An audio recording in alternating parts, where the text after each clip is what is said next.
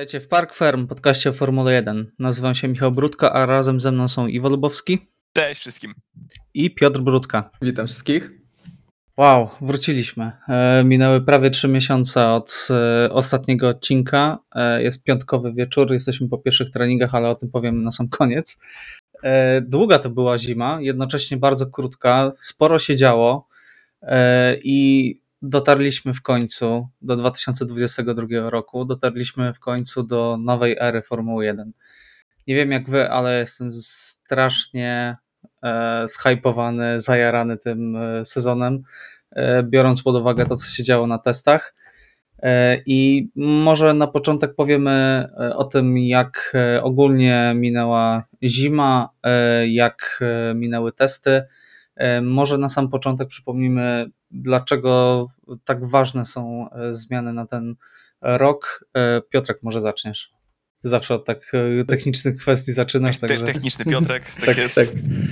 Techniczny Piotrek. Także no, jeżeli chodzi o zmiany, powiedzmy z, z regulaminu, e, myślę, że za, zacznę od tych e, ne, mniej ważnych, a te najwa, naj, największe zostawię sobie na sam koniec. E, no to z tych rzeczy, które najbardziej widać, no to mamy większe koła. E, przeszliśmy na 18-calowe z niskim profilem. E, mamy również e, też z takich może mniej oczywistych zmian e, regulaminowych. Samochody od tego sezonu są bardziej wytrzymałe, w szczególności na, zarówno na uderzenia czołowe, jak i przy dużych uderzeniach w momencie, w którym auto się rozpadnie, jest zabezpieczony bak paliwa, żeby nie powtórzyła się sytuacja z Bahrajnu przy wypadku Romana Grożana. Jeśli chodzi też o takie, o jednostkę napędową, no to mamy małe zmiany, jedyne co powiedzmy dla takich e, freaków e, ekologicznych mamy nowe paliwo E10, e, czyli 10% jest z odnawialnych źródeł tej drugiej generacji. Myślę, że mało kogo będzie to interesowało, także na tym skończę. no i co najważniejsze, czyli kompletna zmiana koncepcji aerodynamiki i otrzymywania docisku w Formule 1. E, na dobrą sprawę od lat 80. E, był e, zakazany efekt przypowierzchniowy, on teraz wraca i większość docisku bolidy Formuły 1 będą teraz otrzymywały z podłogi. A myślę, nie wiem, czy już teraz jakoś to określać, czy może jak przejdziemy do tematu, jeśli chodzi o problemy właśnie z tym efektem. E, wrócimy do tego tematu. Na razie po prostu zmiany e, zmieniają całą koncepcję, przez co bolidy wyglądają zupełnie inaczej. E, bolidy różnią się między sobą, bo różnie inżynierowie podeszli do interpretacji tych przepisów. Natomiast wszystko zostało stworzone w jednym celu, żeby można było się ścigać bliżej, tak? Bo do tej pory docisk był generowany przez raczej górną część bolidu, jeżeli tak mogę bardzo e, w dużym uproszczeniu e, powiedzieć. E, no i powodowało to zakłócenia powietrza, tak i utratę docisku. Ta, ta utrata była około 60%. W teorii, zobaczymy za chwilę, jak to będzie wyglądało w rzeczywistości, ta utrata powietrza została tak zaprojektowana, że mm, ten utrata docisku ma być w okolicach tam 20%, tak? Tak, Także tak dużo mniejsza. Jak przeglądałem, jak przeglądałem materiały i też e, e, oglądałem filmy na temat właśnie tych zmian aerodynamicznych, nawet już pomijając podłogę, ale teraz w bolidzie Formuły 1 praktycznie każda jedna część jest, skupia się koncepcja tej jednej części na tym, żeby to powietrze wyrzucać cały czas do góry. Żeby tuż za samochodem to powietrze od razu szło do góry, żeby właśnie minimalizować ten efekt tego brudnego powietrza.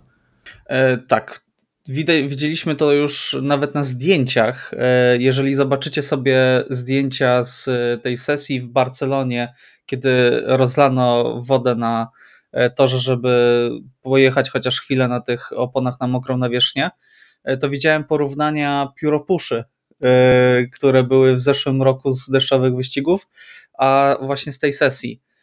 No i różnica jest widoczna po prostu gołym okiem. Tak? Ten pióropusz e, w poprzednim roku był dużo, dużo niższy, natomiast tutaj to jest po prostu taka ściana się robi. Ja jestem ciekaw, jak to będzie wyglądać, kiedy 20 kierowców będzie jechało jeden za drugim. Mm. Może to doprowadzić do, do jakiegoś problemu e, w tym zakresie. E, Natomiast no, widać różnicę gołym okiem po prostu, jak to powietrze przepływa, zwłaszcza w, w takich warunkach, tak?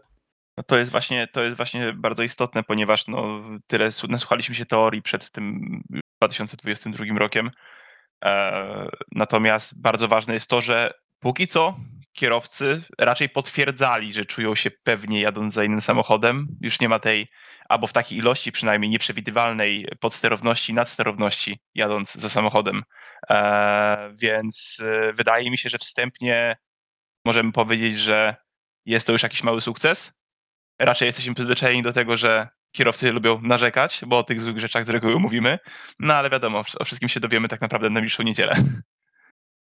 Tak, dokładnie. Mm, To może przejdźmy, Piotrek, chyba, że chcesz jeszcze jakieś zmiany dodać, czy, czy to raczej e, wszystko tutaj wyczerpałeś z tych najważniejszych zmian?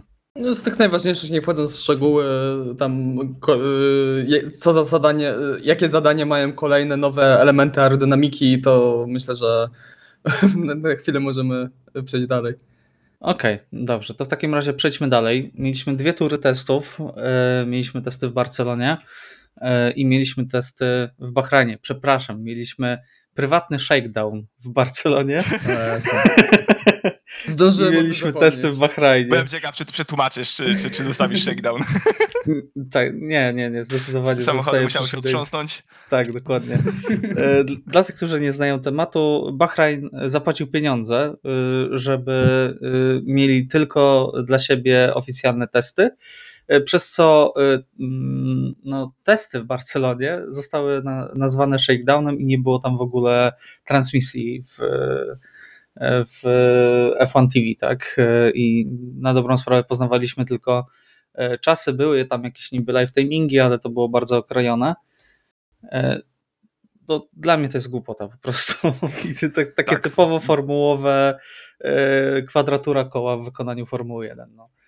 Znaczy, ja szczerze powiedziawszy, trochę mi się to podobało, bo to było takie no, nostalgiczne trochę, bo kiedyś testy generalnie tak wyglądało i tak się śledziło testy, że tam się szukało jakichkolwiek e, zdjęć, jakichkolwiek tutaj e, zdjęć właśnie z garażu, gdzie były aktualne czasy e, dostarczane przez, prze, przez tor, przez właścicieli toru, ale to jakie w międzyczasie wychodziły historie, że niektórzy dziennikarze nie dostawali w ogóle zgody, że pierwotnie tam była, miała być tylko wąska grupa, tylko od F1 TV, od Sky. E, No naprawdę się strasznie taka toksyczna atmosfera zaczęła robić wokół tych e, testów, czy shakedownu, czy jakkolwiek to nazwać. no dobrze, ale nadeszły testy, zobaczyliśmy bolidy. Wcześniej były jeszcze prezentacje, które też były, nie- niektóre prezentacje były tak niedorzeczne, e, ponieważ e, pokazywano po prostu malowanie na dobrą sprawę, bo bolid, który był używany, e, to był ten e, bolid, jak bolid powinien wyglądać. FIA przygotowała taki e, model tak, w zeszłym roku i e, podobno niektóre zespoły wykupowały po kilkanaście sztuk tego, e, żeby to ro- rozwieszać w różnych miejscach na świecie. Nie wiem kompletnie po co. Pewnie na jakichś targach, targach pokazach i tak dalej. Natomiast z tego co pamiętam, to chyba Aston Martin jako pierwszy tak pokazał prawdziwy Tak. bolid Tak. i za to im chwała. E, Red Bull w ogóle tak się krył, tak się kamuflował, e, że na dobrą sprawę poznaliśmy ich boli dopiero w Barcelonie, bo nawet prywatna ta e, sesja nagraniowa, tak? Było rozszyfrowanie rozpikselizowanego wideo zrzuconego na Twittera, nagranego tosterem. Jakby to, to, to musiał być chyba klimat retro, jeżeli chodzi o Oj tak, to był taki przeszukiwanie informacji. 100% retro, nie wiem, lata 2008-2007, co, coś w tym stylu, początki internetu. Ale, ale, ale widząc te różne koncepcje samochodów, nie dziwię się, dlaczego się tak kryli. Jak zobaczyliśmy przecież ten samochód po raz Tak. pierwszy, zdjęcia, po raz, pierwsze zdjęcia, które pojawiły się e, Wow. rankiem z, z, Bahra, z Bahrajnu, chciałem powiedzieć, z Barcelony. Wow, jakby niby sobie człowiek No pomyśli, że to jest bolid, a prawda? To, jak to z inny, drugiej ale... strony, z drugiej strony weź sytuację, kilka zespołów miało taką e, prezentację na przykład o godzinie 11, o godzinie 15 mieli tą e, sesję filmową Tak, i o godzinie 17 publikowali oficjalne zdjęcia tego bolidu, który kompletnie inaczej wygląda niż to, co pokazali o 11. Mnie, No, najbardziej, mnie, najbardziej, mnie najbardziej rozbawiło e, premiera, w cudzysłowie, e, bolidu Alfa Tauri, który oni wrzucili półtora, e, film, który trwał półtorej minuty i ledwo co pokazał w ogóle samochód, e, i co też był makietą.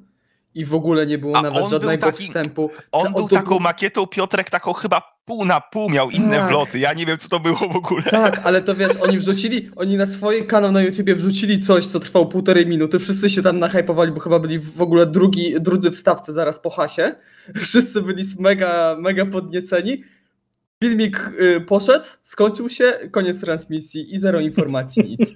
Dziękuję, do widzenia. No. No, mam wrażenie, że zespoły mają jeszcze trochę do nadrobienia e, w tej kwestii, e, ale z drugiej strony, jak sobie przypomnę, była kiedyś, e, jak, Al, jak Toro Rosso zmieniło nazwę na Alfa Tauri, to zrobili z tego pokaz mody wtedy, prezentację bolidu. To na żywo. Całość, No to, to- to był było dramat. najgorsze półtorej godziny mojego życia chyba. E, A McLaren w tym roku też 40 minut czekał na pokazanie makiety e, od momentu rozpoczęcia transmisji, także Wiecie co? co prawda Jak to nie tak jest level opery, która pokazywała Właśnie najgorsze Ferrari w historii. Właśnie chciałem to powiedzieć. Lepiej zrobić bez pompy niż, No dokładnie. niż to, co zrobiło wtedy Ferrari. No dobrze, ale zobaczyliśmy bolidy na torze yy, i jak wam się podobają te bolidy? Super. Ogólnie oceniając jak, całą stawkę jako, jako, jako zmianę yy, pod kątem w porównaniu do zeszłorocznych bolidów, no ja jestem zachwycony tym, jak te bolidy się różnią od poprzednich i tym, jak te aktualne bolidy różnią się od siebie. Zespoł, ka, ka, każdy zespół po prostu zaprezentował praktycznie e, inne rozwiązanie. Nawet samo, samo, samo przednie skrzydło y, pra, Mhm. praktycznie w każdym samochodzie wygląda zupełnie inaczej. Tylne skrzydło tam jest akurat chyba najmniej różnic, aczkolwiek są znaczne często różnice, jeżeli chodzi o długości tych samochodów, ale sidepody, boki aut, Oj, o sidepodach to jest, dokładnie, ale, ale no, to jest jakiś kosmos. Ja mówię, pierwszy raz spotykam się, pierwszy raz, kiedy, od kiedy oglądam formułę, spotykam się z taką rewolucją. Wcześniej dla mnie największą rewolucją było uproszczenie przedniego skrzydła i to już był taki mały efekt wow. Tak teraz, e, no kopara mi opadła, jak zobaczyłem porównanie na przykład Mercedesa z Ferrari, z Astonem i z czymkolwiek innym. Piotrek, my też nie pamiętamy aż tak ró- różnic między bolidami, prawda? Największe różnice, jakie były, to 2014. no tak, no to były jeszcze te paskudne nosy, tak, które się różniły Mhm. między I sobą. właśnie nie ma, i, i nie ma wózki dziwolągów widłowe. teraz, zauważcie, Tak. nie? Nie ma dziwolągów. tak, Tak, nie, nie ma wózków widłowych, nie ma jakichś strasznie dużych nosów, nie ma odkurzacza Ferrari. y, No, w końcu mi, szczerze powiedziawszy, ja jak tylko zobaczyłem y, nawet tą powiedzmy w pół makietę Hasa, to ja się od razu zakochałem w, w nosie tych samochodów. Pierwszy raz od 2008 roku podoba mi się nos bolidu Formuły 1, bo od 2009 roku zawsze mi coś tam nie pasowało, zawsze mi się to nie podobało. Jedynie Mercedes się wybijał e, i tam w miarę to zgrabnie wyglądało, a tutaj naprawdę w końcu, w końcu to wygląda super. Naprawdę, biorąc tak czysto estetycznie, to są jedne z ładniejszych bolidów Formuły 1 w historii, naprawdę. No powiem wam tak, ja y, jeżeli chodzi o ogólnie rozwiązania w Formule 1, y, jestem dosyć konserwatywny i jestem strasznym marudą, jeżeli chodzi o zmiany. No to jak zobaczyłem tegoroczne Ferrari, to wszystko mi przeszło i jestem absolutnie zakochany. I mam już tapetę na komputerze, na którą w tym momencie patrzę i to jest absolutnie Też mam tapetę Ferrari. ma najpiękniejszy nos. Wake up. Tak, także mm, no, przepiękne są te bolidy. Piękne jest to też, że wszystko się w nich różni. E, I nosy, i w ogóle sidepody. Może porozmawiamy teraz o tych sidepodach, o tych sekcjach bocznych, tak? Ferrari ma e, wyżłobione e, miejsce na deszcz podczas deszczowych wyścigów. Albo, albo o róż, tak. albo o róż, bo widziałem też takie inspiracje. Mercedes uznał, że w ogóle nie będzie miał sidepodów i to rozwiązanie jest chyba najbardziej szalone, bo tak pociętego bolidu, jeżeli chodzi o sekcje tak- boczne, tak nie widziałem nigdy, nie? tak. E, I naprawdę e, no szok, zwłaszcza, że docierają teraz informacje, że oni te chłodzenie tego silnika e, przez te właśnie sekcje boczne, no bo od tego są sekcje boczne, tak żeby chłodzić silnik, no, ogarniali z jakąś brytyjską agencją, która robi jakieś rzeczy na, stacje, na statki kosmiczne. E, Tak. Także wow. To generalnie to, jak upakowana jest jednostka napędowa e, Mercedesa, e, no to naprawdę czapki z głów. Porównajmy właśnie bolid Mercedesa, jak smukły on jest, jak właśnie praktycznie nie ma tych sidepodów, z Astonem Martinem, który ma tą samą jednostkę napędową, a tam Tak. jest po prostu mega szeroko, a tutaj no ja jak to zobaczyłem, to mi się nie chciało wierzyć. To jest pierwszy raz od nie wiem kiedy, pierwszy raz w życiu, kiedy widzę na torze e, bolid, który nie ma sekcji bocznych praktycznie. Tak. No oni musieli wystające takie panele z boku wstawić, żeby spełniać te wymagania na crash testach, tak? No to, to, to już jest w ogóle... Tak, mini, minimalne, minimalne, dokładnie. A z drugiej strony właśnie mamy Astona Martina. Y, Pojawiały się takie plotki, że jeden z zespołów kompletnie nie trafił z y, koncepcją y, i jeden z zespołów, który ma silnik Mercedesa, tak? Y, No i chyba wiemy już, które. E, Co prawda, czytałem też taką wypowiedź e, szefostwa Astona Martina, e, które też się zmieniło w ostatnim czasie, e, bo pan Schaffnauer e, zmienił barwy i poleciał do Alpin. E, No i e, przyznali się, że nie trafili z koncepcją, ale to, co na razie widzimy, to oni w tunelu aerodynamicznym mają już zupełnie inny bolid. Także możliwe, że po 3-4 wyścigach e, większość bolidów może ulec znacznie zmianie. Już teraz w Bahrajnie na ten weekend wyścigowy, już dzisiaj widzieliśmy, Tak. e, że parę zespołów już miało e, uaktualnione bolidy. Na przykład Alpin, co dla pe- pechowo dla Okona się skończyło. No tak, y, fajne jest też to, że od tego roku zespoły muszą y, dokładnie ogłaszać, tak, y, co zmieniają w swoich bolidach. Tak, Także to- już nie ma takiego domyślania się, a może to założyli, a może tamto, tylko jest to dokładnie mm, oznaczone, tak? Tak, to jest jeszcze fajniej zrobione, bo dzisiaj właśnie o tym słuchałem, że właśnie w piątek pod koniec dnia oni muszą wyprowadzić samochód z boksu na pit, na pit lane, każdy jeden zespół i ktoś z zespołu musi stać się opowiedzieć o każdej zmianie, którą przewieźli na ten, e, na ten weekend wyścigowy. Okej. Super, super Także to- dobre to rozwiązanie. Jest, to, to jest dla osób tak właśnie bardziej e, zainteresowanych tą sferą techniczną, to jest naprawdę super. No, ale z drugiej strony mamy y, jeszcze Williamsa, który ma w ogóle dziurę w sidepodach, nie wiem, czy widzieliście to. Tak. To, to, to, to, po prostu kreatywność inżynierów mnie naprawdę zaskakuje. Yy, I też yy, ta reakcja innych szefów zespołów na rozwiązania Mercedesa. Nie wiem, czy słyszeliście, co Ginter Steiner powiedział.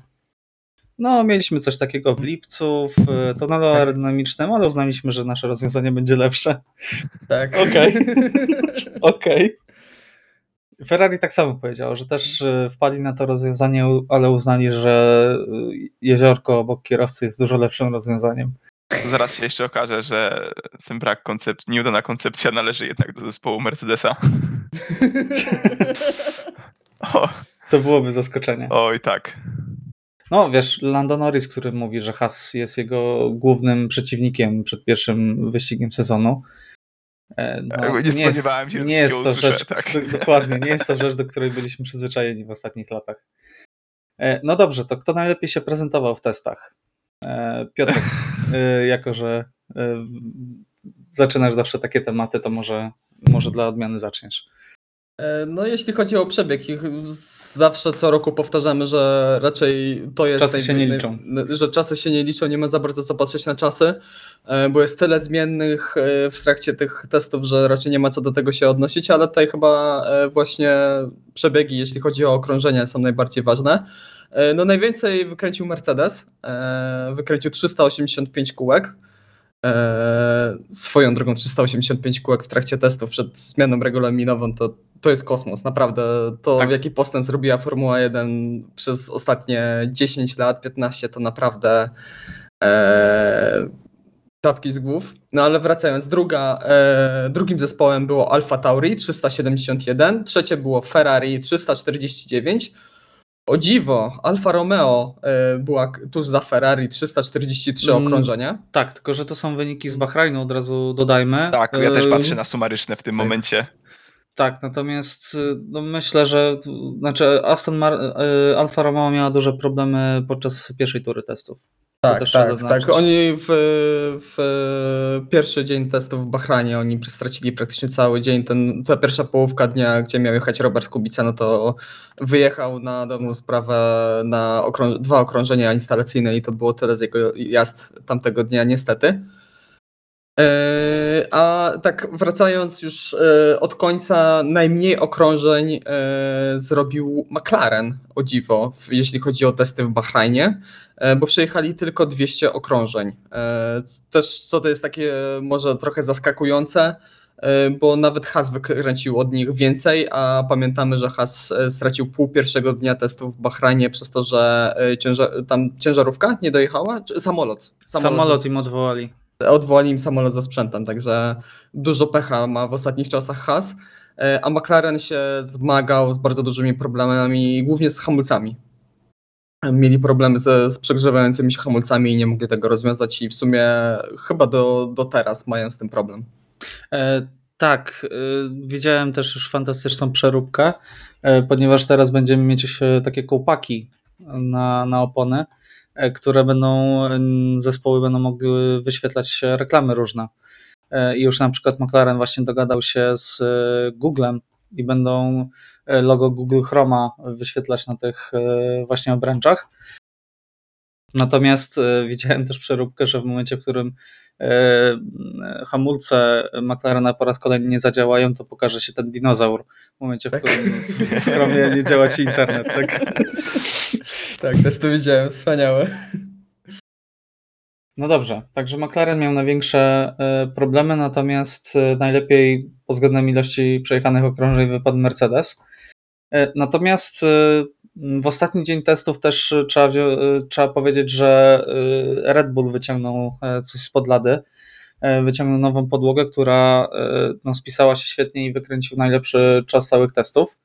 Drugi czas testów w Bahrajnie należał do Mika Schumachera z Hasa. Natomiast trzeba wziąć pod uwagę, że Has dostał w zamian właśnie te, tego pierwszego, pierwszego straconego dnia mogli e, tam dosłownie godzinę wieczorem pojeździć już po zakończeniu testów.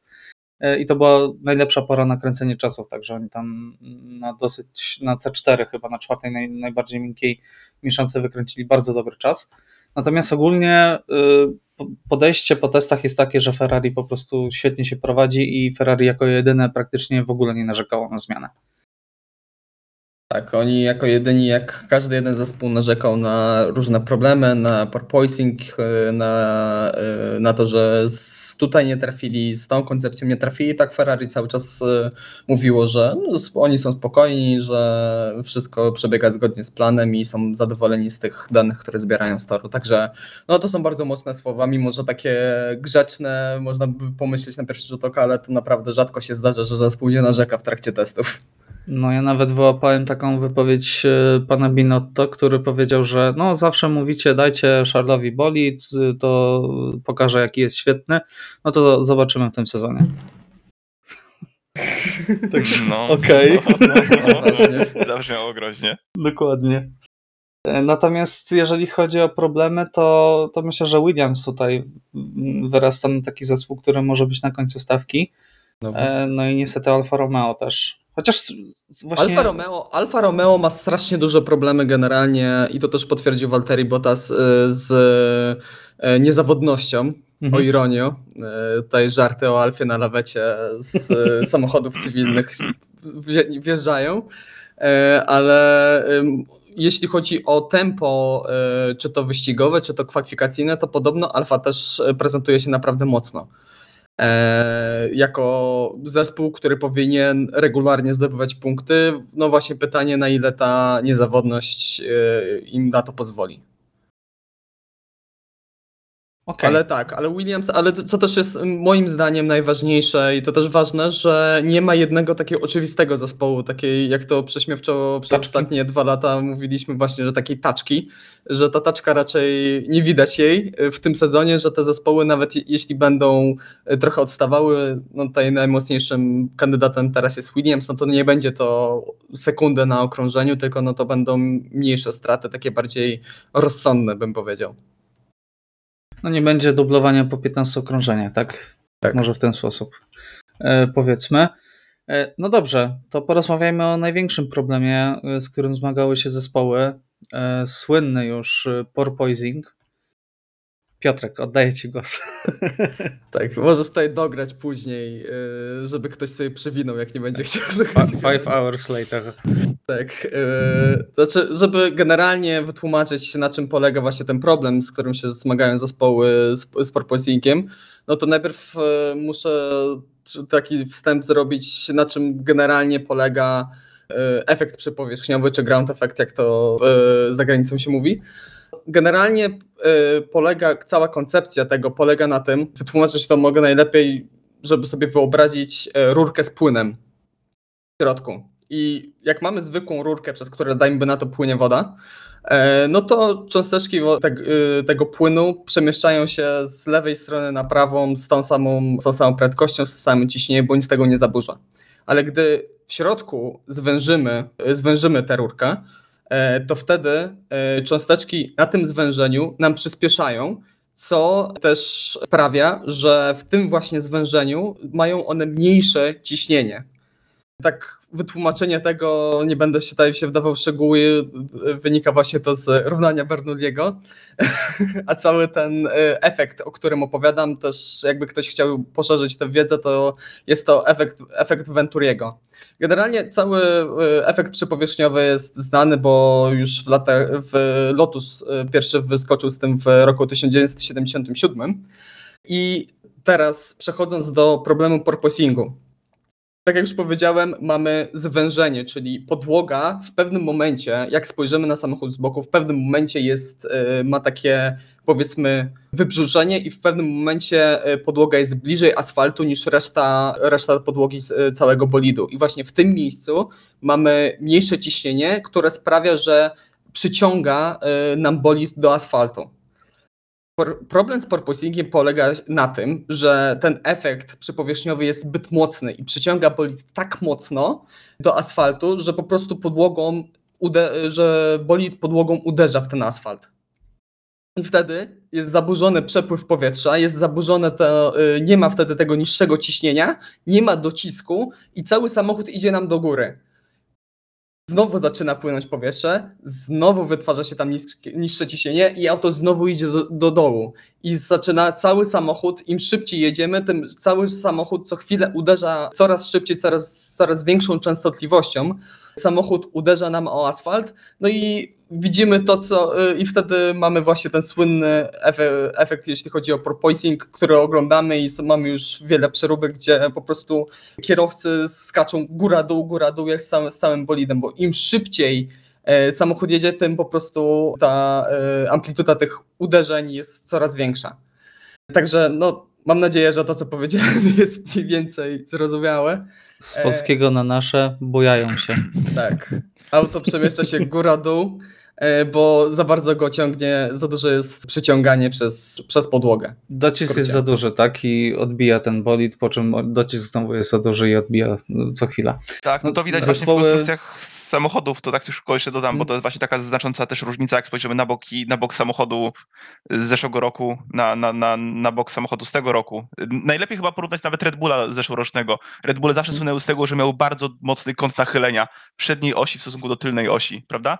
I mhm. widać było, że wtedy no, nie było tego docisku z podłogi, a nie było, można powiedzieć, nie zależało nikomu, żeby ta podłoga, żeby samochód leżał jak najbardziej płasko, a teraz po prostu samochód leży szalenie płasko przy ziemi, więc no, im bardziej płasko jedzie, jest ta bardzo wąska przestrzeń na przepływ powietrza. Więc Moim zdaniem fajnie to wygląda. Moim zdaniem samochody teraz wyglądają jak prawdziwe samochody wyścigowe, bo kiedyś potrafiły wyglądać czasami troszeczkę komicznie, moim zdaniem, aż tak bardzo podniesione, no ale to taka znaczy, jeśli chodzi o sam efekt przypowierzchniowy, to on jest fantastyczny, naprawdę. To tak. jest genialne rozwiązanie, bo y, otrzymujemy bardzo dużo docisku y, praktycznie przy zerowym koszcie, bo im więcej, do, y, jeśli chodzi o nadwozie, im więcej aerodynamiki do, dołożymy, no to spowalnia to nas na, na, na prostych, mamy większy opór. E, tutaj tego problemu nie ma. No właśnie problem polega na tym tutaj, jeśli chodzi o ten porpoising. E, najprostszym rozwiązaniem byłoby podniesienie samochodu, e, żeby właśnie zniwelować ten problem. No ale zespoły tego nie chcą robić, bo jak zaczynają podnosić samochód, to Tracą strasznie dużo tracą na wolnych zakrętach, na wolnych sekcjach. Także tutaj to jest bardzo problematyczne. Myślę, że zespoły też trochę to zlekceważyły, e, bo no, je- jest to... Otwarcie mówili. Binotto Tak. powiedział, że nie wzięli tego pod uwagę na dobrą sprawę. Tak, no wychodzi na to, że y, właśnie wyszło to, że ostatni raz y, dozwolony efekt przypowierzchniowy był w y, sezonie 84-85, nie pamiętam dokładnie, ale no w latach 80. A czy przypadkiem Superformuła cały czas nie stosuje takiej aerodynamiki w swoich samochodach, jeżeli chodzi o single wiem, seatery? Z tego, co nie, mi się nie wydaje- wiem, w ogóle nie śledzę. Tak, ale to jest trochę jednak inna kategoria samochodów mimo Mhm. wszystko. Także nie wiem, szczerze powiedziawszy. Ja czekam na takie jakieś e, fajne określenie tego w języku polskim, e, ponieważ e, słyszałem dzisiaj e, określenie re- redaktora e, Gąsiorowskiego, chyba powiedział bujanie. No, do końca nie pasuje mi, szczerze powiedziawszy. Znaczy, no porpoising to też nie jest jakieś takie mega wyszukane słowo i określenie, bo jest naw- nawiązuje do... Galopowanie. Tak, i generalnie nawiązuje do delfinów, które, w, które powiedzmy, że wystrzeliwują z wody w powietrze. Na A to chyba, to chyba Chamber w swoim, z tego co pamiętam w swoim filmiku właśnie to opisywał też na, wrzucał zdjęcia pingwi, pingwinów, chciałem powiedzieć delfinów. I jednak tak, było ryzyko, czy nazywać Dobrze, to że rozmawiamy Formule czy, 1. porpoising czy dolphinining, także Tak, dokładnie. Także Okej, w takim razie to już mamy omówione. Y, Zespoły nad tym pracują. Y, Dzisiaj jeszcze Hamilton y, bujał się jak na dobrej dyskotece w niedzielę wieczorem po wygranym wyścigu. Także Mercedes bardzo narzekał na to y, i to jest jeden z ich problemów. Doszło do tego nawet, że czytałem takie analizy, że oni musieli skręcać silnik w obawie przed tym, żeby y, nie stukać, nie walić tak w ten asfalt, bo mogło to doprowadzić do uszkodzenia po prostu podłogi i całego bolidu.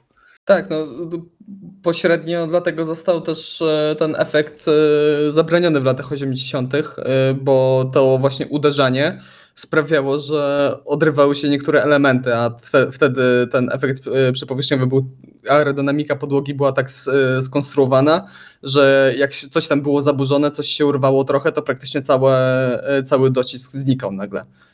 W połączeniu z bezpieczeństwem z lat 80., no to to był bardzo zły No, nie tak było jest. to najlepsze tak. rozwiązanie. oj nie. No dobrze. Y, Czy coś chcecie jeszcze dodać na temat testów? Y, Czy, czy macie jeszcze jakieś tematy w, tym, w tej kwestii? Najlepsze jest to, może do momentu aż nie widzieliśmy dzisiejszego treningu, a raczej dwóch, to prawda jest taka, że po tych trening, po testach przedsezonowych nie wiedzielibyśmy nic. Po prostu nie powiedziały nam nic, jeżeli chodzi o tempo samochodów. Tak. Także tutaj nic się nie zmieniło akurat. Do dzisiaj nie mieliśmy nawet żadnej możliwości ułożenia sobie jakiegokolwiek scenariusza, Nadal ale mamy. o tym sobie Mhm. opowiem tak, o przewidywaniach sobie tak opowiem na końcu. No zobacz, no ja się jaram strasznie, to chciałem powiedzieć. Rajcuję się strasznie na jutrzejsze kwalifikacje i na, jutrzejsze w stosunku oczywiście do dnia naszego nagrywania. Także czekamy.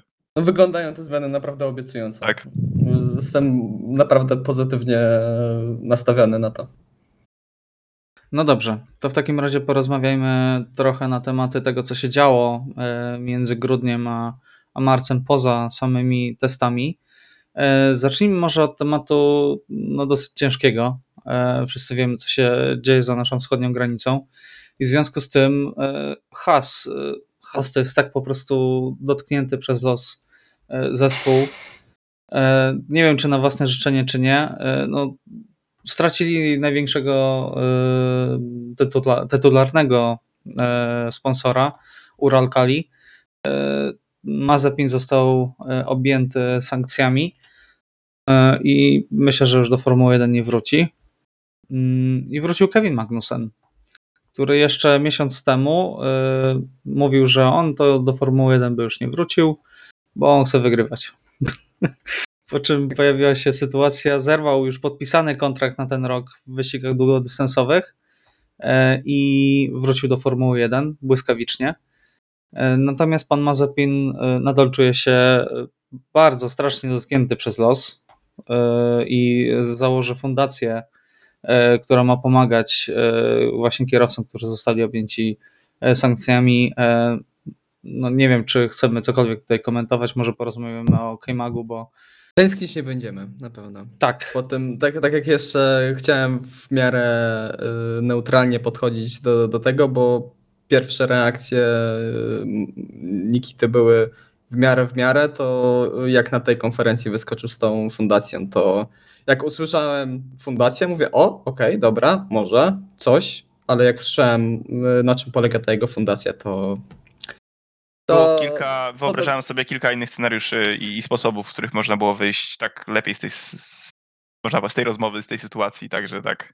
Tak, z- 100 razy lepiej by wyszedł na tym, gdyby nigdy ta, tej konferencji nie robił, no ale to też się wpisuje trochę w jego e, charakter i to, jak się zachowywał na torze. Łączy się to wszystko. Także do widzenia, e, było miło, nie, nie będziemy tęsknić. Has zmienił barwy Tak. na dużo ładniejsze. Zgadza się. Bo jakoś biel z niebieskim i czerwonym e, nie jest, nie jest absolutnie fajną barwą w tym momencie i myślę, że na długi czas nie będzie. E, Natomiast e, K-Mag wrócił.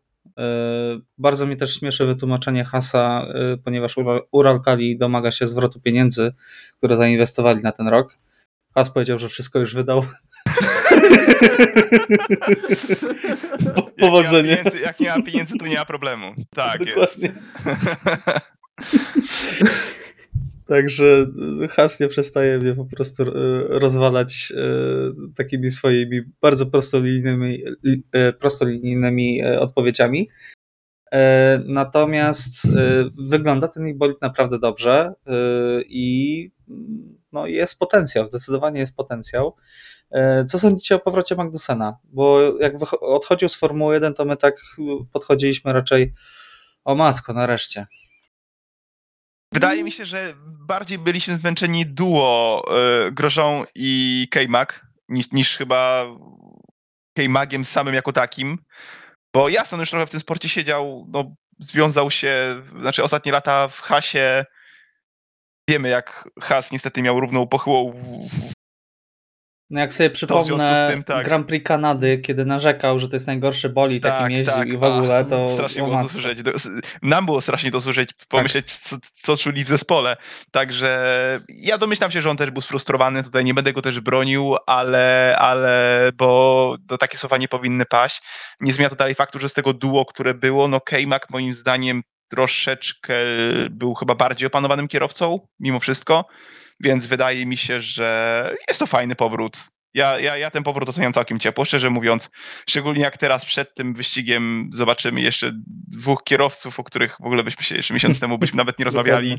Mam przed oczami po prostu konferencję, nie konferencję, tylko wywiad po wyścigu. Tak. Hulkenberg i K-Mac, Na torze, razem. Classic i znowu razem. No nikt, no zabijcie mnie, no nie byłoby żadnej możliwości, żeby ktokolwiek z nas na to wpadł miesiąc temu.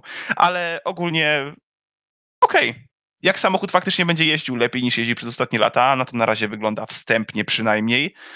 E, ja z chęcią zobaczę jeszcze, jak K-Mac się sprawdzi. Nawet jeżeli to ma być jego taki ostatni sezon. Wiecie, kto z tej zmiany nie jest zadowolony? Mick Schumacher. Tak, to będzie naprawdę... Ojej, miał tak y, ułożony zespół pod siebie, e, bo Mazepin też oczywiście wyjawił, że jeździł cały zeszły sezon na, e, pod, na podwoziu, które było jeszcze z poprzedniego sezonu.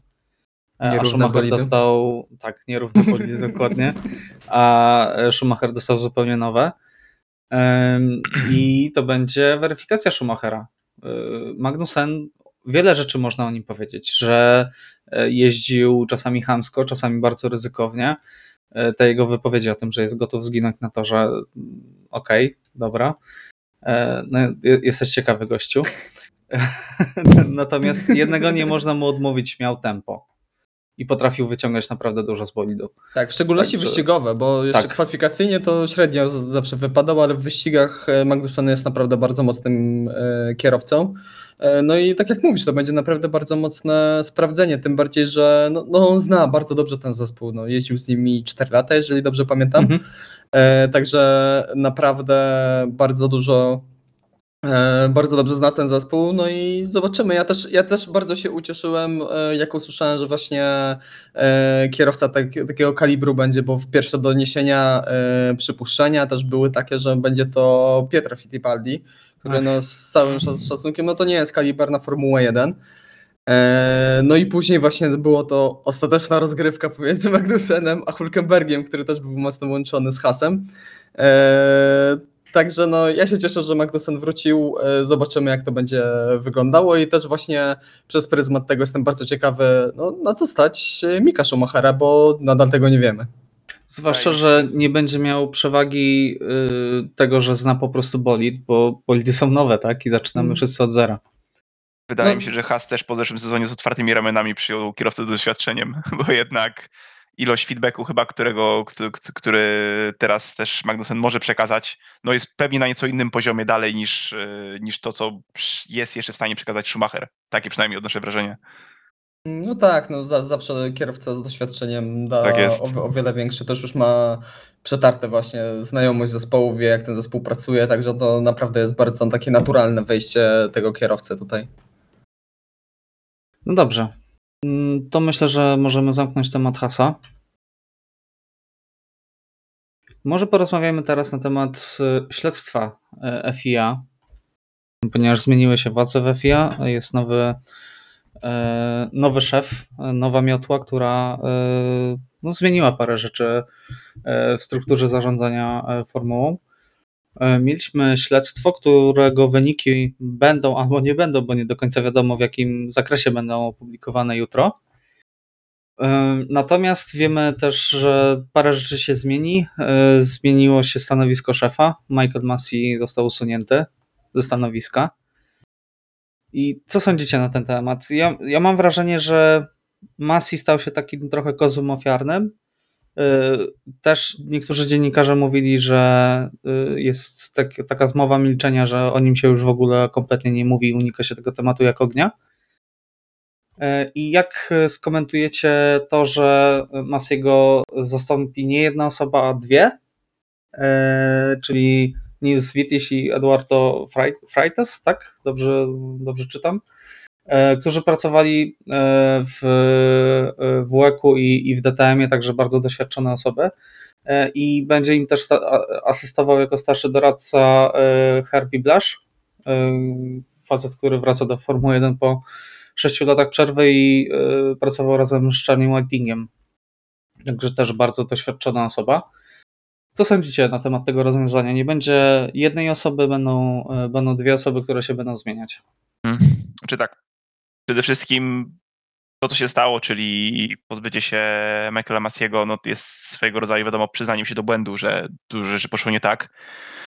A z jednej strony widzieliśmy, jakby Abu Dhabi to była tylko taka wisienka na torcie. Jakby dla mnie, mm, ja byłem najbardziej bardziej rozgoryczony chyba mimo wszystko e, Arabią Saudyjską, czy, czy nawet Baku, jeżeli chodzi o, o, o czasy reakcji ale no tyle było tych kontrowersji w zeszłym sezonie, że to było chyba raczej oczywiste, że jakaś głowa musiała po prostu polecieć. No i w tym przypadku no, mieli po prostu rozwiązanie podane na tacy, biorąc pod uwagę, jaka była opinia publiczna. Czy był kozłem ofiarnym? Na pewno. No, była to osoba, która ostatecznie decyzję podejmowała i, i, i mam wrażenie, że inaczej nie mogło się stać, ponieważ no, ten smród by się ciągnął dalej w tym roku. No w tym przypadku mamy świeże otwarcie i wydaje mi się, że dwie osoby, które będą, że tak powiem, pełniły tę główną, główną funkcję, główne funkcje, e, no może powoduje to, że dojdzie do jakiejś takiej wzajemnej kontroli i opanowania pewnych sytuacji, bo no Michael Massey widocznie sam też sobie po prostu rady nie dał pod kątem presji, co widzieliśmy, co słyszeliśmy nawet często. Ale już takich komunikatów, jakie słyszeliśmy, nie usłyszymy więcej, moim zdaniem dobrze. E, Więc moim zdaniem jest to, jest to dobra decyzja. E, nie słucha się przyjemnie, prawda, że kogoś się zwalnia, szczególnie osoby e, jakby związanej ze sportem e, już dosyć długo, osoby, która na pewno ma dużą wiedzę, ale po prostu uległa jakiejś tam presji i no, no dała ciała. No, trzeba przyznać, że dała ciała. No i to, to się po prostu musiało stać, moim zdaniem. Okej, Piotrek, co sądzisz? Tak, no ja zawsze byłem dość mocno krytyczny wobec pana Masiego, nie da się ukryć. E, I też e, przyznam szczerze, że e, no, to co Iwo powiedział, no to nie jest tak, że to samo Abu Dhabi za, zaważyło, a raczej tłumaczyć to, można wytłumaczyć te decyzje nie tylko ze względu na wydarzenia w Abu Dhabi, ale też po prostu przez długi, długi czas sobie na to Michael Masi za, zapracował. Było dużo dziwnych decyzji, dużo decyzji sprzecznych ze sobą. E, później też były te jego wyjścia do mediów, tłumaczenie się, e, takie mówienie dookoła czasami, że no, no dobra, no tutaj może nie tak e, to zrobiłem. No handlowanie dalej... pozycjami w Arabii Saudyjskiej. Tak, to handlowanie pozycjami. No, było dużo takich sytuacji, że praktycznie w szczególności jak ten e, zeszłoroczny sezon się zbliżał do końca, e, gdzie praktycznie z rundy na rundę e, widzieliśmy, jak bardzo niespójne są te zasady i też jak bardzo często te zasady, ta niespójność po prostu była na własne życzenie pana Amasiego, także, także myślę, że tutaj powiedzmy, że rozumiem te decyzje.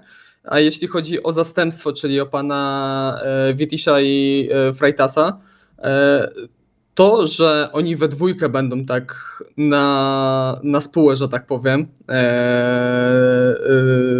tutaj dyrektorem wyścigowym na zmianę, to moim zdaniem jest pokazane, że ta decyzja była podjęta bardzo późno i trochę pod przymusem. I szczerze powiedziawszy, ja naprawdę jestem e, w stanie e, uwierzyć w scenariusz, że ta decyzja została mocno wymuszona, e, bo widać, że po prostu to nie było przygotowane, że, i, że tutaj wchodzą dwie osoby, które się wymieniają i nie dlatego, że że chcemy zrobić różnorodność, tylko dlatego, że wszystkie serie WEK kolidują z kalendarzem Formuły 1. Mhm w dużej mierze to jest właśnie przez to spowodowane. Jeśli pan chodzi o pana Eduardo Freitasa, właśnie jeśli chodzi, y, on jest dyrektorem wyścigów w WEK-u, no to ja sobie akurat czasem oglądam wyścigi długodystansowe i sobie nie przypomina tam jakichś dziwnych decyzji. Jest on legendą tamtego sportu. E, można powiedzieć takim Charlie Whitingiem właśnie e, wyścigów długodystansowych, także ja tutaj jestem spokojny. Jeśli mm. chodzi o pana Witisia, no zakończenie, finał y, z sezonu w DTM y, w zeszłym roku, no tam też było grubo. To na dobrą sprawę. Teraz sobie przypomniałem dopiero faktycznie. Tak, tam było strasznie grubo, tam były kontrowersje praktycznie tego samego kalibru, podobne kontrowersje jak, jak w Abu Dhabi w Formule 1, także tutaj nie jestem przekonany. No ale zobaczymy w praniu, zobaczymy jak to wyjdzie finalnie. Ja już jestem e, zadowolony z jednej decyzji pana Witisia, jeśli chodzi o y, limity toru, y, które ogłosił na, te, na ten weekend. Powiedział jasno, limity toru to jest biała linia, jak wyjeżdżasz, to przekraczasz limity toru, nie ma jakichś specjalnych zakrętów, że tutaj to jednak będzie tarka. Y, jest jedne spójne limity toru na ca po całej długości i można. można to prosto zrobić. Prosta można. decyzja, tak Prosta jest. decyzja, a jak cieszy. Okej. Okay. Dodatkowo jeszcze zmieniono przepisy e, dotyczące e, oddublowywania się, co też jest przyznaniem się do błędu. E, w tym momencie albo nikt się nie oddubluje, albo wszyscy. Znaczy, ja szczerze powiedziawszy, ja nie widzę nic złego w tym, że tak jak tutaj mówicie parę razy, że FIA przyznaje się do błędu. Dla mnie to jest dobrze, no bo tam był, tak, tak, tak. Tam, tam tak. był bardzo duży błąd. E, i bardzo dobrze się do tego przyznają. Ta decyzja dla mnie też jest na plus. Im mniej takich e, furtek e, uznaniowych w sporcie, czy to w Formule 1, czy jakimkolwiek innym sporcie, moim zdaniem lepiej. Im bardziej są te reguły spójne, zero-jedynkowe, tym lepiej. Dodatkowo jeszcze zmieniono zasady, jeżeli chodzi o mm, wyścigi, o punktację do wyścigów. Pamiętacie Grand Prix Belgii i tą farsę też, no co tu dużo gadać, tak? Która się odbyła, e, czyli przejechanie dosłownie kilku okrążeń za samochodem bezpieczeństwa i, i tyle. W tym momencie, żeby uznać to za wyścig, muszą być przejechane co najmniej dwa okrążenia, ale bez samochodu bezpieczeństwa.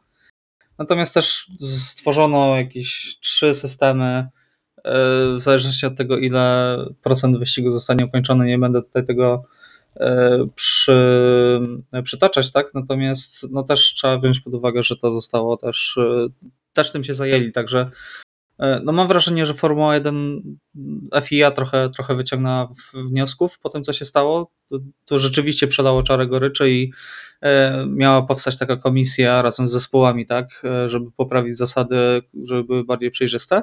I myślę, że to też jest efekt tego. E, co myślę, że jest plusem, tak? Ja mam nadzieję, że jak najszybciej zapomnimy o Abu Dhabi, a raczej o kontrowersjach związanymi z nimi, bo to Myślę, ile, ile, ile było dyskusji na ten temat przez całą tą przerwę zimową, te kolejne wystąpienia, czy to Horn pana Hornera, czy to pana Wolfa, wracające do, te, do tej sytuacji, już naprawdę mam tego serdecznie dosyć.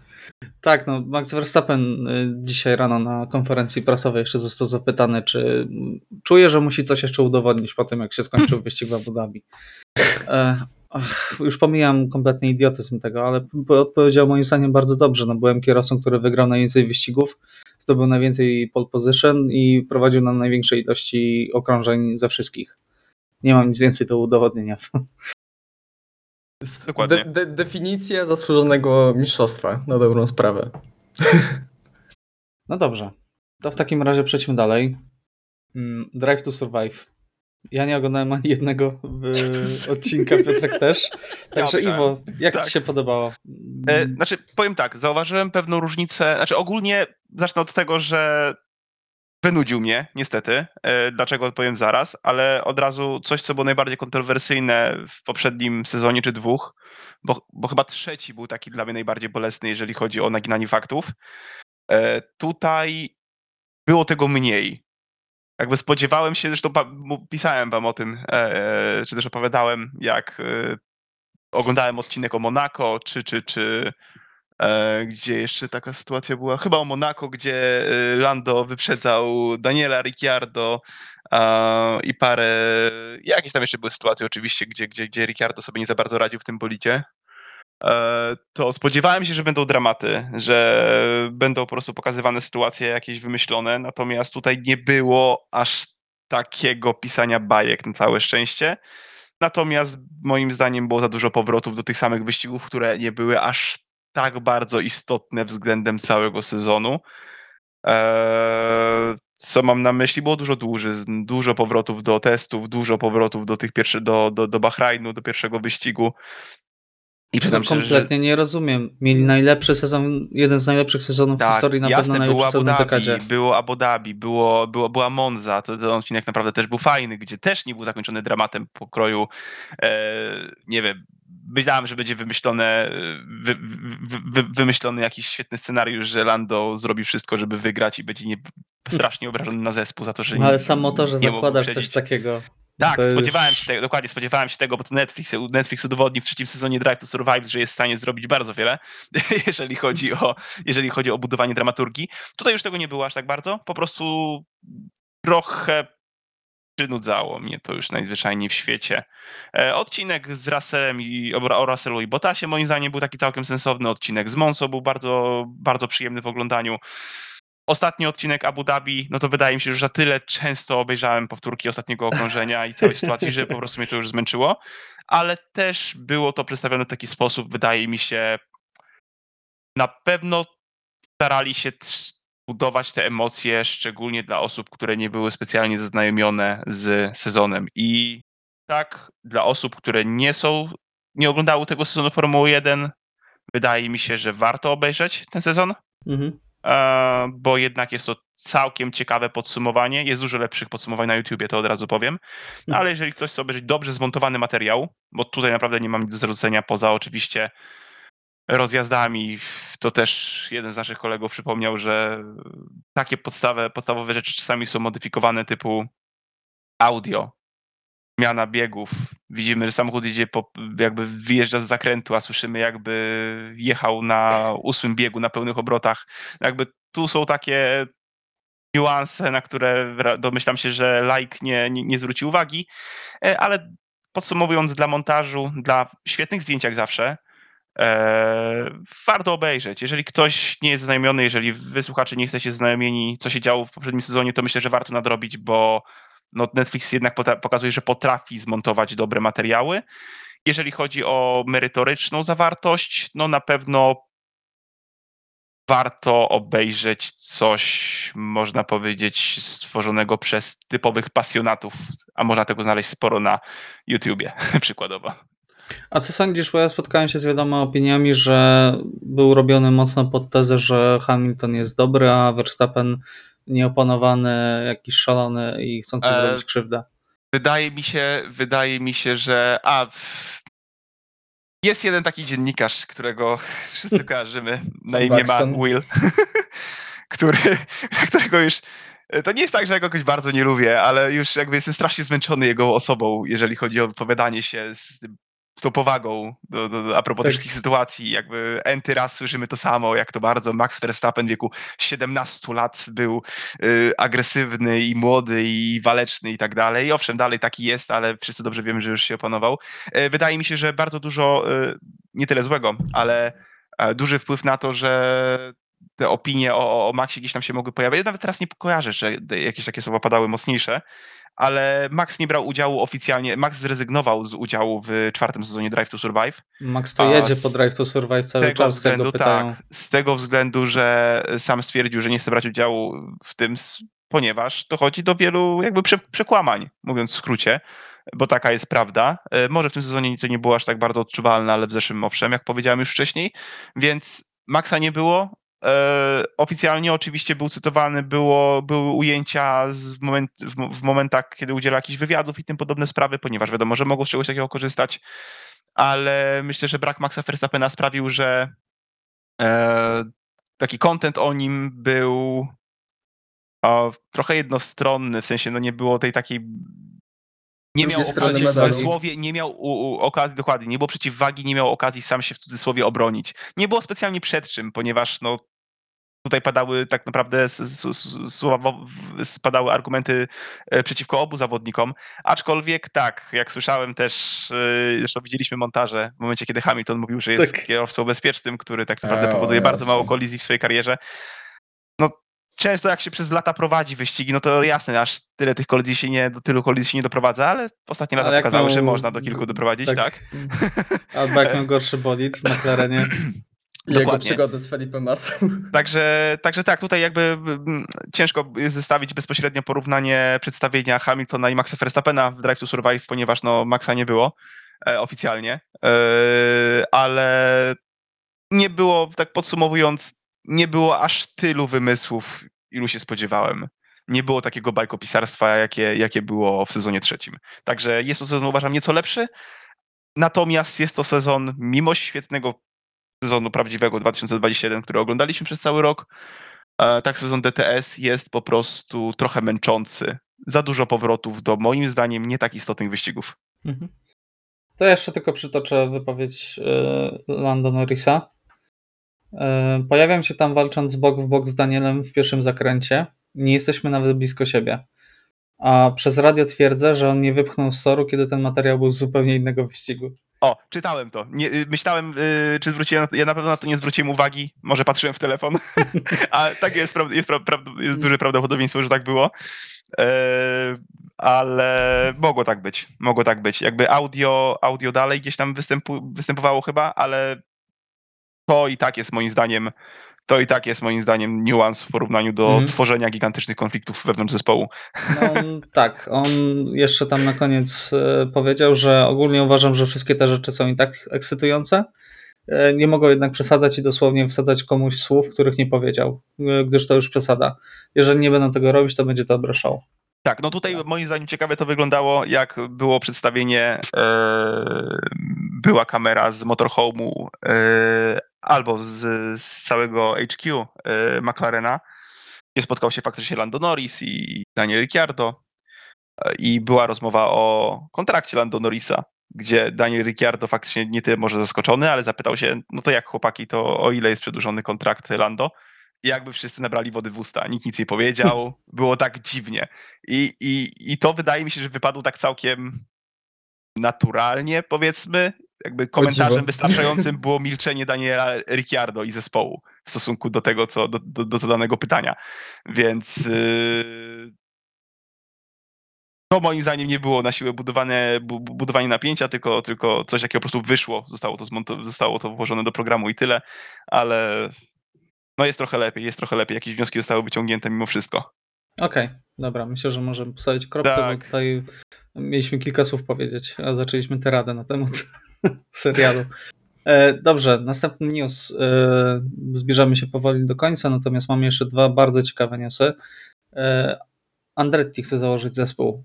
Piotrek, jako że też masz wiedzę na temat pana Andrettiego, może powiesz coś więcej na temat planów, bo ogólnie rzecz biorąc padła informacja, że na początku on chciał Hasa przejąć w zeszłym roku, do tego nie doszło. E, Później e, pojawiła się właśnie informacja, że chce e, wystartować z własnym zespołem, ale inne zespoły się nie zgodziły na to o dziwo. Okazuje się, że Formuła 1 nie jest taka chętna na rozszerzenie stawki, ale podobno najnowsze informacje mówią, że jednak zgodę uzyskał. Także Piotrek, co sądzisz na ten temat ogólnie rzecz biorąc i, i czy wejście nowego zespołu właśnie przez Undertygo miałoby sens? Znaczy, ja e, tak zaczynając od końca, bardzo bym się cieszył, jeśli chodzi właśnie o wstąpienie tego e, zespołu. Znaczy, uważam, że praktycznie każdy jeden zespół, który e, powiększyłby stawkę, dałby te dwa kolejne samochody do, do stawki, myślę, że to jest dobra, dobra inicjatywa i ona powinna być popierana.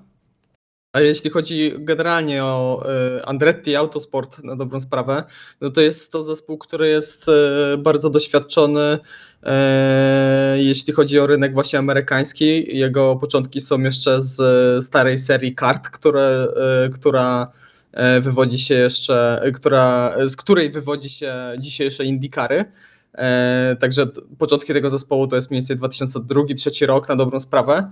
E, No i jest to zespół z naprawdę bardzo dużą ju- już aktualnie dużą infrastrukturą. Jest to zespół, który e, startuje w różnych seriach, na przykład tutaj powiedzmy w Europie możemy kojarzyć, że też Andretti ma swoje udziały w Formule E. E, Także naprawdę jest to e, e, zespół z dużym zapleczem, w przeciwieństwie do na przykład takiego Hasa, które, które słyszymy, że jego największe problemy właśnie wynikają z tego, że tej infrastruktury za bardzo nie mieli i cały czas nie do końca ją, ją mają, żeby rozwijać swój samochód, żeby go produkować, projektować i samemu wytwarzać części. E, A pan Andretti jest podobno bardzo mocno e, e, zawzięty na to, żeby wejść do stawki Formuły 1, właśnie nie przejmując któryś z zespołów ze stawki, tylko jako swój oddzielny twór. I podobno słyszałem w trakcie testów zimowych, jak brytyjscy dziennikarze właśnie rozmawiali na ten temat, poruszali ten temat.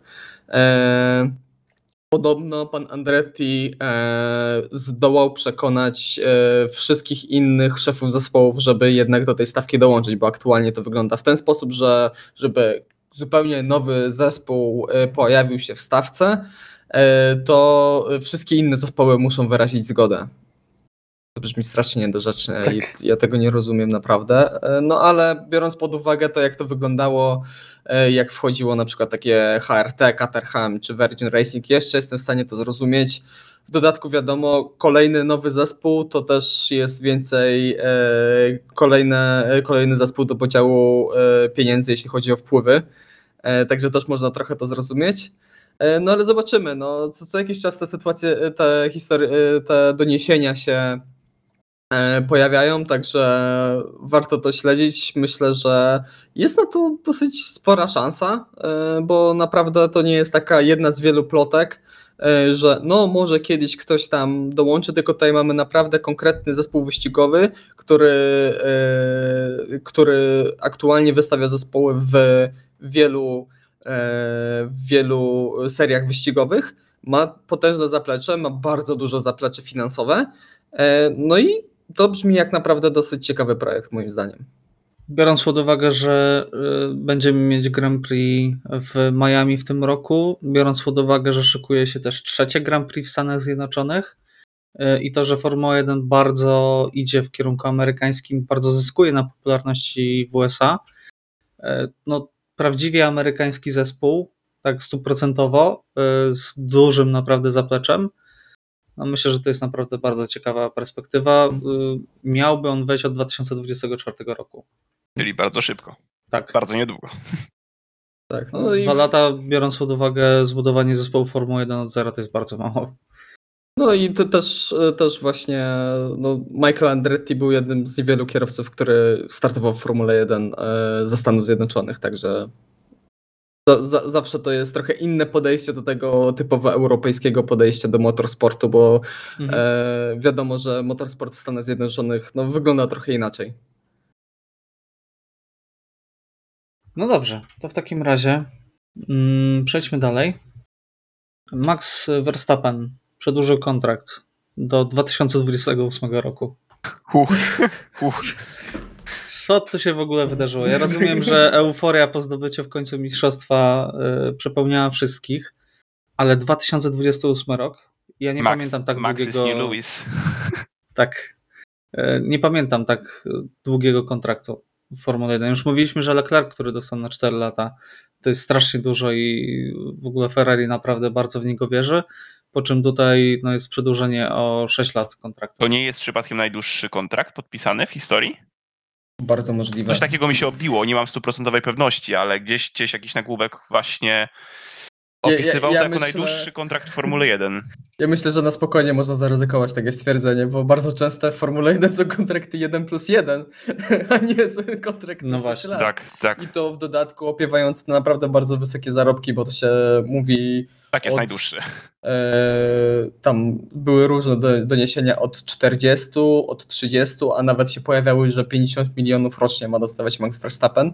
E, wiadomo, że również e, Red Bull podpisał e, bardzo lukratywną kontrakt z Oraclem. E, także kasa na pewno się zgadza teraz w, Red Bullu, pomijając to, że sam Red Bull jest szalenie bogaty, to naprawdę ja byłem w szoku, bo no generalnie ta, ta wiadomość wypłynęła przed w ogóle testami. E, przy, przy okazji na dobrą sprawę prezentacji poszczególnych zespołów, także jak ja to przeczytałem, to tak okej, dobra. Max coś wiedział. Są, są naprawdę e, pewni tego samochodu. Są pewni, że są mocni. Lewis Hamilton będzie miał prawie 44 lata, jak y, Verstappen będzie wypełniać ten kontrakt. Już chyba się wypowiedział, że przed końcem jego kontraktu na pewno skończy karierę. Chociaż. No Może dlatego tak długo, na tak długo przedłużył. Muszę być pewny.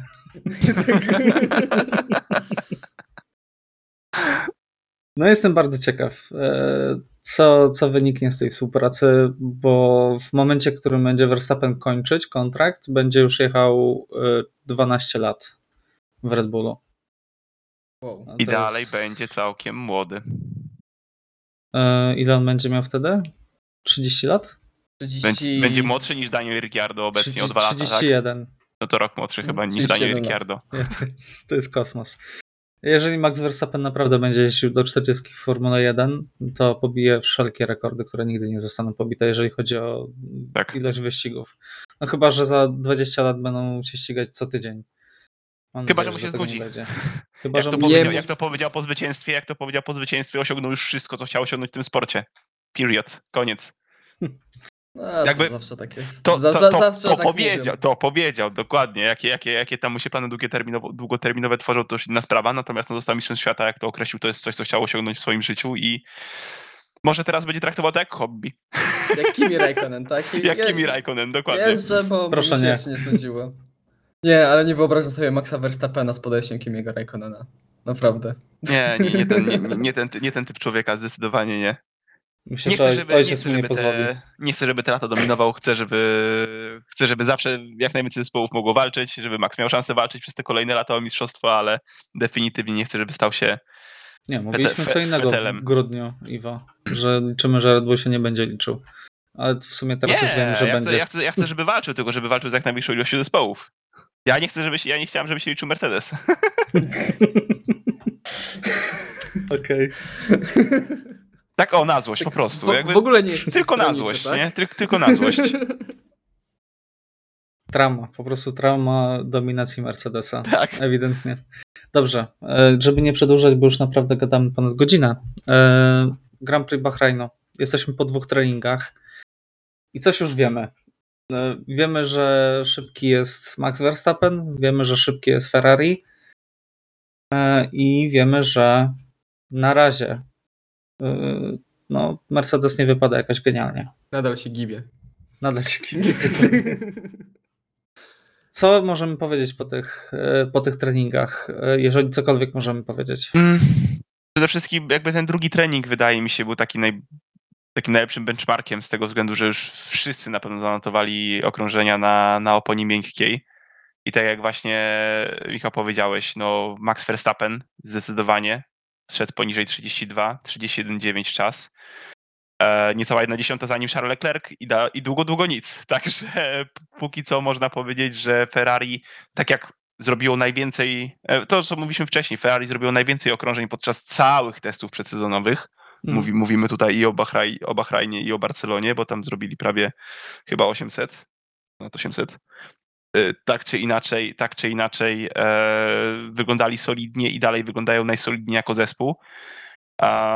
I tak naprawdę drugi rok z rzędu wyglądają najsolidniej jako zespół w połączeniu dwóch kierowców, którzy są w Mhm. miarę blisko siebie. Bo jednak zaraz za Leclerciem jest Carlos Sainz i dla mnie zaskocze, może zaskoczeniem. E, zaskoczeniem jest to, że e, w sumie Carlos Sainz nie trzyma się trochę bliżej Charla, bo tam strata pół sekundy, Ale no, ale to to jest tylko drugi trening, to jest drugi, No właśnie, drugi trening, dokładnie, masz rację. Ja teraz się tak, ja już się jaram, można powiedzieć, tym sezonem i tak analizuję to, jakby to faktycznie miało być jutro, jeżeli chodzi o wyścig. E, Mercedes dalej się gibie. E, Ciężko ocenić jedn- krótkie przejazdy, na przykład takiego Alpin. Alpin ocenialiśmy raczej średnio, biorąc pod uwagę wcześniejsze testy, aczkolwiek Fernando Alonso całkiem dobrze wypadł w testach. Tak samo Valtteri Bottas i, i, i Kevin Magnussen i Mick Schumacher, więc teraz poza, wydaje mi się, Red Bullem i poza Ferrari, e, ciężko jest mi powiedzieć cokolwiek. Cieszy Haas, na pewno cieszy Haas Tak. jeżeli chodzi o, o to, że notuje naprawdę fajne czasy e, na analogicznych miesza, mieszankach do innych zespołów, e, ponieważ tutaj mamy wszystkie, wszystkie czasy na, na oponie miękkiej praktycznie w drugim, e, w drugim treningu. E, Martwi McLaren na pewno. martwi McLaren i dalej moim zdaniem martwi Aston Martin, Mhm. bo no tutaj wiemy raczej, że faktycznie chyba przestrzelili, e, jeżeli chodzi o aero tego samochodu. E, może miejmy nadzieję, że pokażą nowe auto, bądź uporają się z obecnym, ale tak, chyba z tych takich zespołów topowych najbardziej martwi McLaren. McLaren, ja czytałem wypowiedzi McLarena po drugiej sesji treningowej. Oni za bardzo nie wiedzą, czemu są tacy wolni. I to, to już. A dlaczego nie może tacy szybcy? tak czy inaczej, li- liczyliśmy, że stawka będzie bardziej zbita, a różnica między Verstappenem a Williamsem to jest prawie 3 sekundy. Więc chyba to już możemy wrzucić do kosza. Niestety. No, zobaczymy na dobrą sprawę, bo tak na dobrą Williamsy sprawę. chyba mało co, znaczy nie, w sumie nie jeździł, mało co jeździł sporo okrążeń w drugim treningu, przepraszam. Nie no, tak biorąc pod uwagę czasy, pierwszy raz chyba możemy jakkolwiek się oprzeć na czasach, no to e, pierwszą siódemkę e, mamy powiedzmy w jednej sekundzie. E, Tutaj zarówno Max Verstappen, jak i Charles Leclerc nam tutaj odskoczyli na pół sekundy od, od całej reszty. E, No ale e, później w stawce mamy dosyć wyrównaną. Alpin się naprawdę bardzo mocno trzyma i dobre czasy, zarówno jak i właśnie Valtteri Bottas w Alfie Romeo na szóstym miejscu. No okej, Ted Lewisem, jakby, Hamiltonem. jakby spojrzeć na to tak holistycznie, to sekunda i jedna dziesiąta mamy i Hasa, i Alfa Romeo, i Alpin, i Mercedesa, i Red Bulla, i Ferrari. No tak, no na dobrą sprawę. Od, 6 albo 7 zespołów, tak? od 6 do 16 miejsca mamy jedną sekundę mniej więcej. Oczywiście tutaj y, Williams trochę odstaje, ten McLaren trochę też y, martwi, no ale na przykład Daniel Ricciardo miał dzisiaj problemy, miał ci- wyciek y, z samochodu, nie wiadomo czy to była skrzynia biegów, czy to był, był silnik, czy to była jednostka napędowa Mercedesa. Ale no zobaczymy. Myślę, że to też się będzie trochę wyklaruje, nawet nie w trakcie pierwszego wyścigu, ale przez pierwsze 3-4 rundy to się mniej więcej nam zacznie trochę tak e, stabilizować ta stawka. Teraz możemy mieć sporo, e, sporo zaskoczeń, sporo awarii, sporo jakichś latających elementów, jak na przykład dzisiaj w przypadku Okona. E, Czy też na przykład też w przypadku George'a Russella, bo w pierwszym treningu też mu coś tam odleciało e, po tym gibaniu się. Mi Okej, spo- bardzo mi się ustalamy spodobało. to. Ustalamy. Bardzo mi się spodobało. Zdecydowanie ustalamy gibanie jednak. Tak, Gibanie, Prze- tak. E, No i przynaj- przynajmniej na chwilę wydaje się, że Mercedes jak się właśnie e, upora z gibaniem się, e, to też może tutaj doskoczyć nam do czołówki. Ale zobaczymy jak to koniec końców będzie wyglądało. No dobrze, to przewidywania panowie. Iwo, kwalifikacje, wyścig, kierowca dnia. Dobrze, jak najbardziej. Tak, zacznij. Mogę zacząć. Kwalifikacje Leclerc, wyścig Verstappen i kierowcą dnia zostanie Alonso. Słucham Iwo. Kwalifikacje Verstappen. Wyścig Sainz. Uuu, Kierowcą dnia zostanie Mick Schumacher ze swoim pierwszym punktem. Sainz wygrywający pierwszy wyścig na początek sezonu grubo. Tak. Piotrek? Ojejku. E, Nie chcę być nudziarzem i powiedzieć dwa razy Verstappen. E, Ale nie. E, To powiedz za- dwa razy Hamilton. Nie, nie, nie, nie, nie, nie. Myślę, że jeszcze Mercedes. Yy, że Mercedes trochę naprawdę jest z tyłu. Nie tak bardzo jak mówili, ale trochę jest z tyłu. Żebyśmy jutro po Q3 kopary nie zbierali z podłogi. nie? Dokładnie. Zatęsknimy za tym, co Tak. teraz mówimy. Tak. E, Dobra, no ja pó- pójdę w sobotę Verstappen, w niedzielę Verstappen, e, a kierowcą dnia zostanie Kevin Magnussen. Jest jeszcze Hulkenberg, przypominam, który zastępuje Vettela. W ogóle y, to będzie pierwszy y, wyścig od Grand Prix Malezji w 2000 roku, w 2000 roku, w którym nie będzie albo Raikkonena, albo Vettela. Taka ciekawostka. Hmm. Ciekawe. Długo. Życzymy zdrowia Sabowi na pewno. Tak. E, To jeszcze wprowadzam mały twist do naszego przewidywania. E, Na cały sezon, proszę. Kto będzie y, mistrzem świata? To Mm, teraz już? E, Tak, teraz już, no. Tak kompletnie w ciemno. E, Ja, jako że ja pierwszy stawiałem, to ja stawiam na na Leclerca.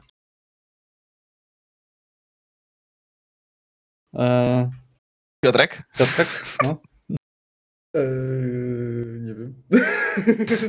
nie, cały czas się zastanawiam, ale zaryzykuję George Russell. Ach. Okej. Niestety. Ciekawie. No to ja Max Verstappen. Jakby Żeby każdy, była różnorodność. Każdy kogoś innego, dokładnie. Ej, a czy to jest takie tylko typowanie, czy to się To będzie przekładało na punktacji. To są punkty turbo. To ja chciałbym zmienić.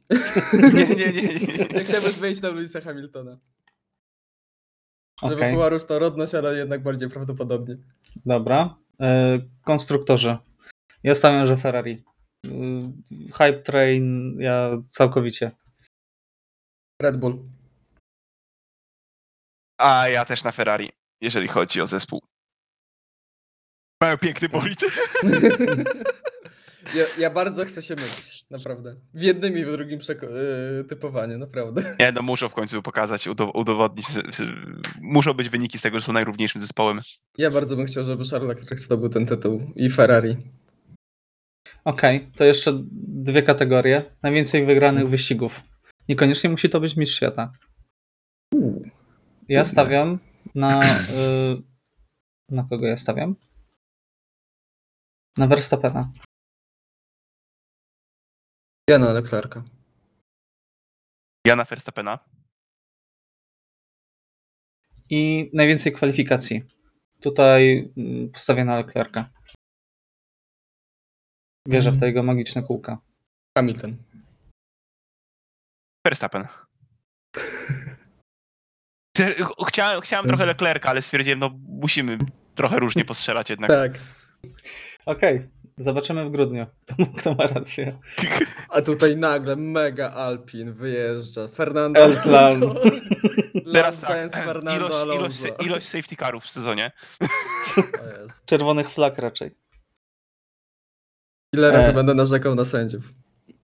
A to w każdym wyścigu. Ile jest rund, tak? Tak. No dobrze, to w takim razie y, mam nadzieję, że będziemy podskakiwać z podekscytowania w niedzielę y, przy rozpoczęciu wyścigu jak y, Lewis Hamilton na prostej.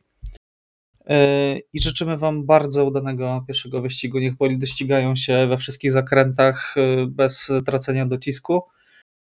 I bądźmy świadkiem naprawdę świetnego widowiska. Y, O przerwie zimowej i naszych przewidywaniach, e, co się wydarzy w tym roku, e, rozmawiali Iwo Lubowski, Dzięki, do usłyszenia. Piotr Brudka Dzięki wielkie, cześć. i Michał Brudka. Trzymajcie się, cześć.